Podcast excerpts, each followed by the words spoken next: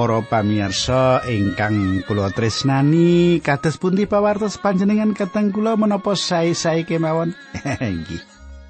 Pandenga kula panjenengan tansah sae-sae kemawon lan tansah diberkahi dening Gusti Allah. Para pamirsa kados padatan kula badhe sesarengan kalian panjenengan wonten ing salebetipun adicara margi utami.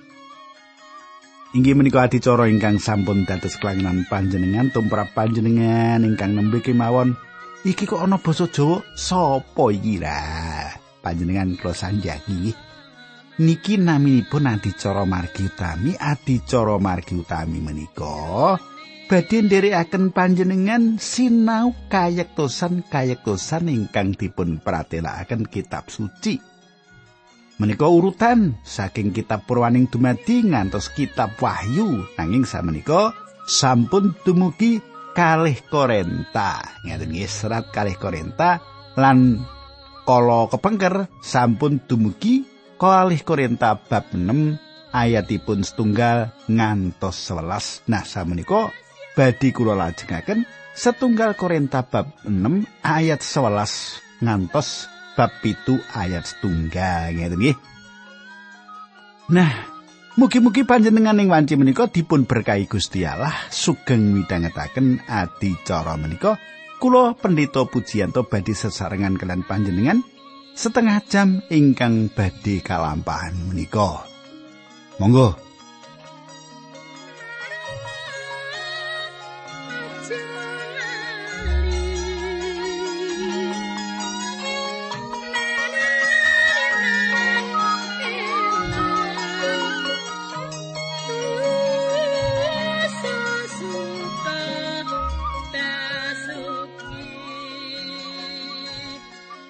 pamirsa, kula kepangkar kula ringkes kemawon. Kita sampun nyemak kados pundi Paulus nggambaraken keseimbangan wonten ing peladosan. Nggih. Peladosan yo dicacat nggih Peladosan yo dialem nggih ngaten nggih. Peladosan yo rekoso, peladosan yo kepenak ra ngaten nggih. Nah, para pamirsa saderengipun kula lajengaken kula ngaturaken salam rumiyin nggih. Ibu-ibu, bapak-bapak, sederek-sederek ingkang sampun napa menika SMS utawi kintun serat dhateng kula. Dumateng Bapak Slamet. Nggih, terus pundi Pak Slamet? Saya saya to. Dumateng Bapak Bambang ES, nggih. ES napa Immanuel Santoso apa piye? Nggih. Wah, matur nuwun Pak nggih. Eh, komunikasi kita lancar nggih menika pasederekan panjen ketah kados makaten nggih nek diberkahi ngaturake panuwun dhateng Gusti Allah. nah, monggo kita tumungkul kita ndedonga. Duh Kanjeng Rama ingkang dampar wonten kraton ing kasuwargan kawula ngaturaken gunging panuwun. Emedal menika kawula saged tetunggilan kalian sedherek kawula ingkang setya tuhu midhangetaken adicara menika. Kawula nyuwun berkah paduka tuntunan paduka linambaran asmanipun Gusti Yesus Kristus kawula tetunggal haleluya. Amin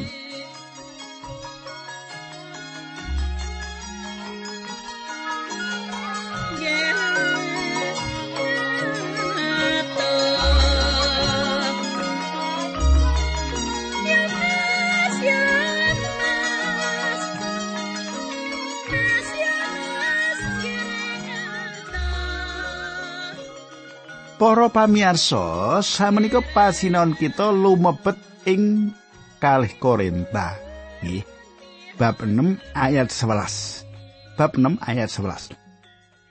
Ing mriki Paulus nyukani tiga babak perkawis-perkawis ingkang dados ciri-cirinipun peladosan. Panjenengan katasaken pilih babak ingkang kawitan menika wonten sambung rapetipun kalian perkawis-perkawis kados Ingkang kaping kalih perkawis-perkawis mental utawi raos pengawas ingkang kaping tiga inggih menika perkawis-perkawis kasukman. Tiga-tiganipun penting. Ing mriki Paulus kados-kados sanjang soro. Kados menapa piyambakipun sanget gadah pepinginan supados tiang-tiang Korintus menika ngakeni dosanipun.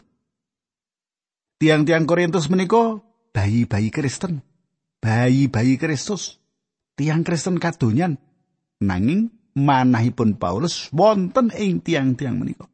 Ketingalipun manahipun badhe ajur ing pasal menika lan ing salajengipun. Nah, kita deleng nggih ayat-ayat nggih.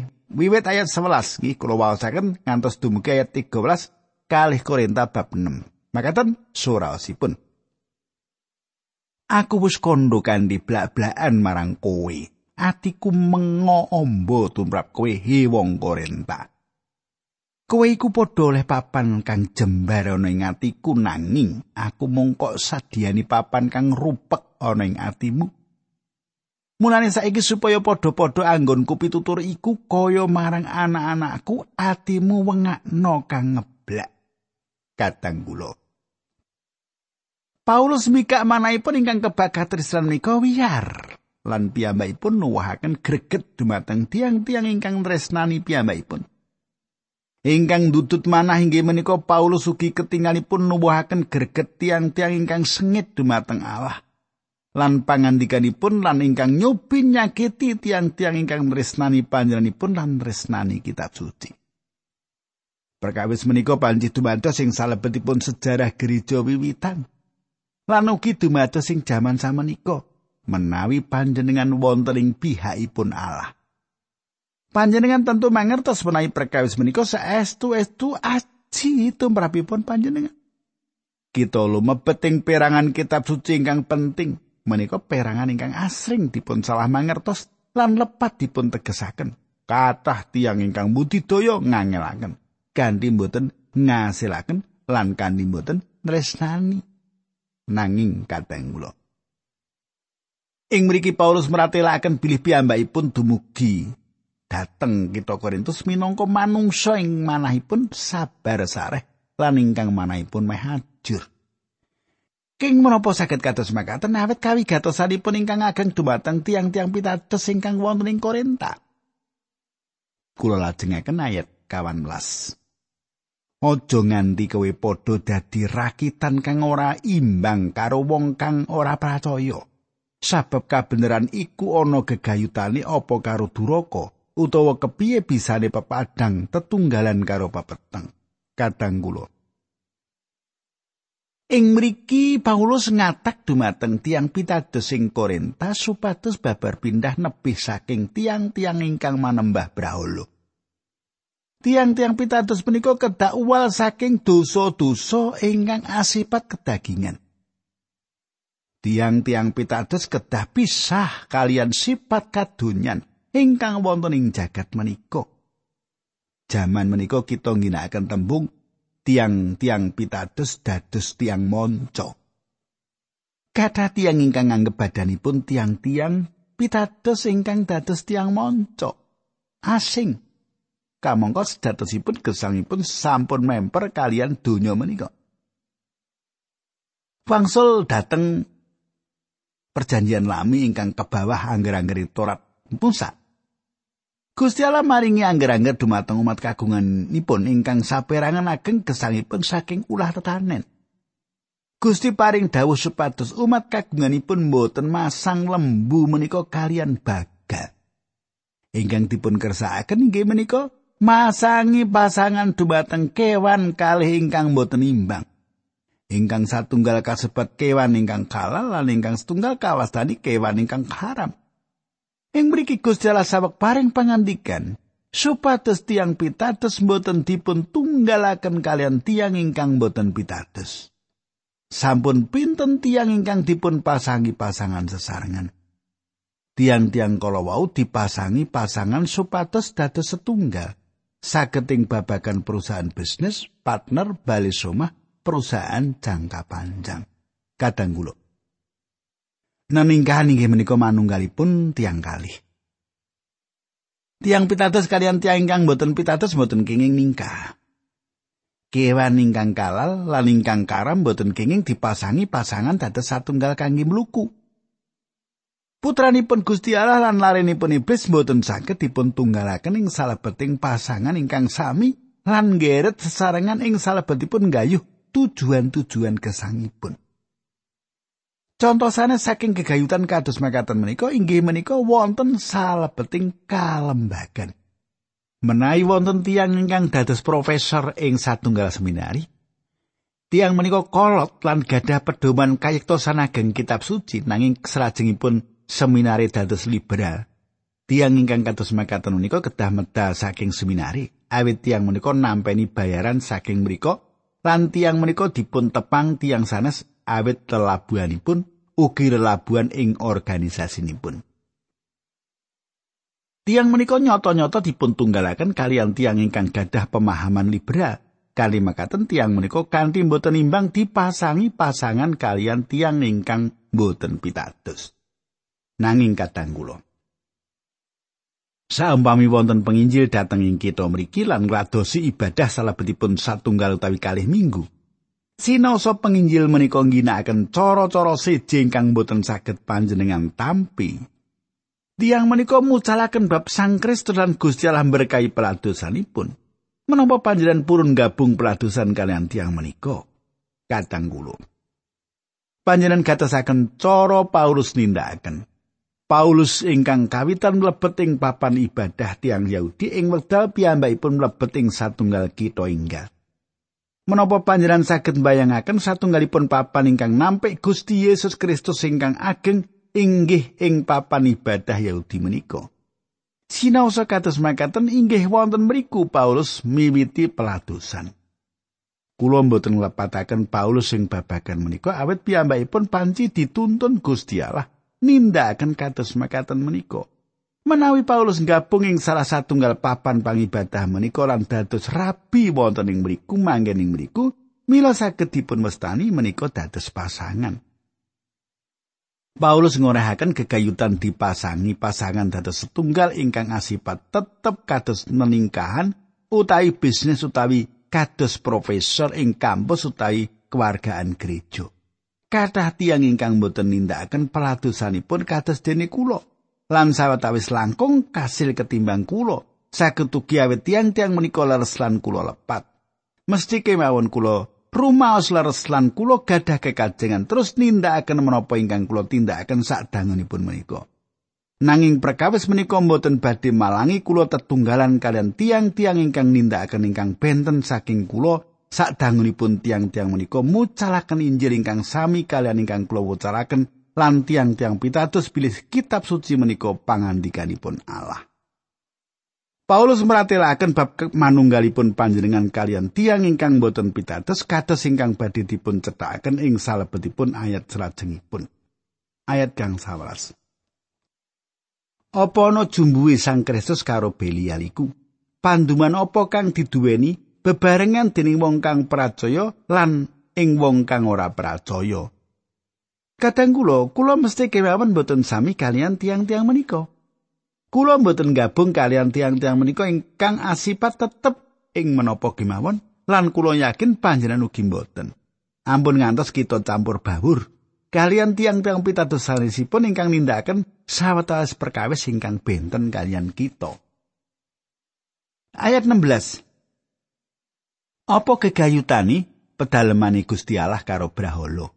Awit kita iki padha dadi pedalemani Gusti Allah kang gesang kaya dene kang dipangandikake dening Gusti Allah mangkene. Ingsun bakal dedalem bebarengan karo wong-wong mau lan gesang ana ing tengah-tengah lan ingsun bakal dadi alai lan dheweke bakal padha dadi umat ingsun. Kadang kula Ing mriki Paulus mligi mestani pangibadah dumateng Braholo. Pedalemanipun suci Allah mboten memper kalian braholo. Wonten pundi pedalaman Allah menika? Jaman samenika pedalaman Allah inggih menika ing badanipun tiang-tiang ingkang pitados. Kita menika pedalamanipun Sang Roh Asuci. Kita menika pedalamanipun Sang Roh Suci. Tiang ingkang dipun dalemi Gusti Allah mboten saged gadah patunggilan kalian braholo makaten nggih. Samenika ayat 17 18. Mulane sira padha metu saka ing wong iku lan sira misao. Mengkono pangandikane pangeran lan aja padha ngepok singgo samu barang kang najis tumuli sira bakal padha suntarimah lan ingsun bakal dadi ramanira sarta sira bakal padha dadi putraning sun lanang lan wadon. Mengkono pangandikane pangeran kang maha kuwasa. Katang kula. Paulus negasaken babagan tiang Kristen ingkang pinisalan dipun sucikaken Liripun tiang Kristen kedah mboten wonten cantuk lawengipun kalian manembah brahala. Tiang pitados menika kedah pisah saking sifat kadonyan lan roh kadonyan ingkang kanthi alon-alon saged tuwuh ing salebetipun gereja lan ing salebetipun gesang tiang-tiang pitados. Tiang pitados malah boten kenging nyenggol babagan ingkang najis wangsul dhateng kitab Yusa. Bangsa Israel nelokaken kita kanthi iman. Satunggalipun kita ingkang kakupengi beteng nanging eweda semanten akan mendet barang ingkang kaipati-pati. Ing mriki Israel sampun gegayutan kalian menapa ingkang dipun nyatakaken Allah najis. Serajengipun bangsa Israel minggah dhateng kita ai kanthi keyakinan ingkang kandel atas kamimpangan ingkang sampun dipun lampahi badhe gampil nelokaken kita ai. Nanging ingkang dumados Yosua lan bangsa Israel dipun kawonaken kita ai. Gusti Allah paring dawuh umat kagunganipun supados dipun pisahaken saking sifat kadonyan lan saking sifat kenajisan. Katanggulo. Wonten kathah sanget tiang Kristen ingkang nganggep badanipun pinisah. Tiang-tiang menika mboten mikiraken badhe nindakaken menika lan menika, nanging karmanipun tiang-tiang menika mitenah lan ilatipun saestu kejem nyariosaken karingkianipun tiang sanes. Mboten nate ngrumaosi bilih perkawis menika saestu asipat kadonyan lan najis. Saged ugi tasih remen rasukan model-model dereng saged nilaraken watek rakus nanging nganggep badanipun kapencil saking donya. Kula mboten gadah kekajengan ngadili lan kita mboten kenging ngadili satunggalan sanesipun nanging kula rumaos kedah nedahaken perkawis-perkawis menika awit kita perlu saestu ngatos-atos. Saestu gambil ngrembak perkawis-perkawis salah ngakeni bilih Gusti Yesus Kristus menika juru wilujeng saged sanjang kita nresnani nganggep badan kapisah saking panjenenganipun nanging ing salebetipun kasunyatanipun tasih mboten pinesah saking donya lan mboten kapencil kangge panjenenganipun. Kadang kula kathah sedherek ingkang saged dados berkah ing wekdal wonten ing salebetipun gereja. Nanging wekdal sederek menika wonten ing papan umum, sederek menika babar pindah mboten saged dados patuladan ingkang sae minangka jejeripun tiang pitados. Kulo tepang sederek ingkang pinter main musik ing gereja. Nanging menawi panjenengan mangertos gesang saben dintenipun, panjenengan badhe gedhe-gedhe awet panjenengan ngungun tiang menika gesangipun boten saged dados berkah. Sederek menika ing saben dintenipun minum minuman keras ngantos mendem lan sanes-sanesipun. Tiang Kristen mesinipun boten kados makaten menika patrapipun andhatosaken tiang ngremehaken piyambakipun. Kadang kula Gusti Allah ngendika, metuwa saka kumpulan wong-wong mau lan misao saka wong-wong mau iku lan aja nyinggol apa kang najis. Ampun ngantos panjenengan dados tiang Kristen menawi panjenengan boten saestu-estu lho kadang kula. Ampun sanjang Gusti Yesus menika nglegakaken panjenengan. Kamangka sejatosipun boten saestu-estu nglegakaken manah panjenengan. Inggih kados mekaten menika ingkang dipun kajengaken Paulus. Salajengipun wonten satunggal janji mulya Mula aku bakal nampa kowe. Aku bakal dadi ramamu lan kowe bakal dadi anak-anakku lanang lan anak-anakku wadon mengkono pangandikane Gusti Kang Maha Kuwasa. Panjenengan badhe dados putra lan putri nipun ingkang dados lantaran kamulyan kangge Rama panjenengan. Kadang kula satunggal jerek nyukani mangertos kula gegayutan wonten lari jaler ingkang mlebet satunggalipun perguruan. Lari menika pisah kalian bapakipun, lari menika tasih dados lari bapakipun nanging bapakipun sanjang dumateng kula. Aku ora bisa ngurus kaya dene bapake kok, Pak. Bocah kuwi ora kaya sing tak karepake. Aku ora bisa rembugan karo bocah kuwi kaya bapak marang anak. Iki kados makaten menika ingkang dipun kersakaken Gusti Allah ing mriki menawi panjenengan menika tiyang ingkang pitados dumateng Gusti Yesus Kristus, Gusti Allah tansah dados Rama panjenengan ampun lali menika. Katang kula ingkang dipun kersakaken ing mriki inggih menika panjenenganipun Gusti Allah menika ngersakaken dados Rama panjenengan. Gusti Allah ngersakaken panjenenganipun andadosaken panjenengan menika putranipun. Menawi panjenengan gesang secara kadonyan, menawi panjenengan boten saestu-estu ing tembung panjenengan. Menawi panjenengan lelami saling gesang panjenengan, pramila ingkang panjenengan tampeni inggih menika Gusti Allah Sang Rama badhe beto panjenengan dateng gudang kajengipun ning gudang kayu badhe dipun apake dipun kebuki Gusti Allah mboten ngersakaken salamilanipun tansah beto panjenengan dateng gudang kajeng. Inggih menika jalaranipun kenging menapa panjenenganipun dawuh dumateng panjenengan supados medal saking antawisipun tiang-tiang donya lan pisah kalian tiang-tiang donya mboten nyinggol bab-bab ingkang karam. Menawi panjenengan patrapipun makaten pramila Gusti Allah saged mbangun kekayutan ingkang caket kalian panjenengan kados bapak dumateng putra-putranipun. Katanggulo samenika pasinan kita lumebeting kalih Korinta pitu. Inggih pasal menika pasal pungkasan kegayutan panglipuran Allah. Pasal menika satunggalipun panglipuran Allah ing manahipun Paulus pasal ingkang asipat pribadi lan saestu ngidapi-dapi. Menawi kita nyemak pasal menika asalipun inggih menika, kita perlu mangertos bilih wonten tiang-tiang pesaman Korintus ingkang lepat. Inggih menika anggenipun sangat-sangat nerak kasusilan. Tiang Korintus wonten ingkang laku bedang kalian semah bapakipun inggih menika ibu kualalipun. Pasaman dereng ngrampungaken perkawis menika lan Paulus ngilikaken ing serat ingkang sepindah lan ngengken supados enggal dipun rampungaken. Ing wedal Paulus nerat serat ingkang kaping kalih, pasaman sampun ngrampungaken hasilipun tiangipun bertobat lan ngakeni dosanipun. Pasaman sampun saged dipun pitados ngrampungaken perkawis menika. Kadang kula serat Paulus gadah daya pengaruh ageng sanget. Titus manggi Paulus lan nyukani mangertos bilih tiang ingkang nerak paugeran sami nangis dosanipun lan ngraosaken boten pantes dipunakeni dados jejeripun pesamuan. Paulus nyukani keterangan babagan menika. Ayat setunggal. Kang iku sarene kita keparingan prasetyo prasetyo mau, para kekasih, Mulane payo kita padha nyucake badan kita saka sarupaning jejembering daging lan ing roh. Lan kalawan mengkono kita nyampurnake kasucen kita ing sajroning wedi asih marang Gusti Allah. Kadangkula janji menapa ingkang dipun kajengaken ing mriki Paulus nyethakaken ing pungkasan pasal 6.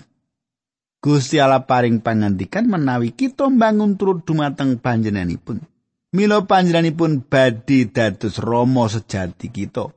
Kita badhe dados putra putri sejati kunjuk panjenenganipun lan panjenenganipun saged langsung sesambetan kalian kita ing sesambetan menika.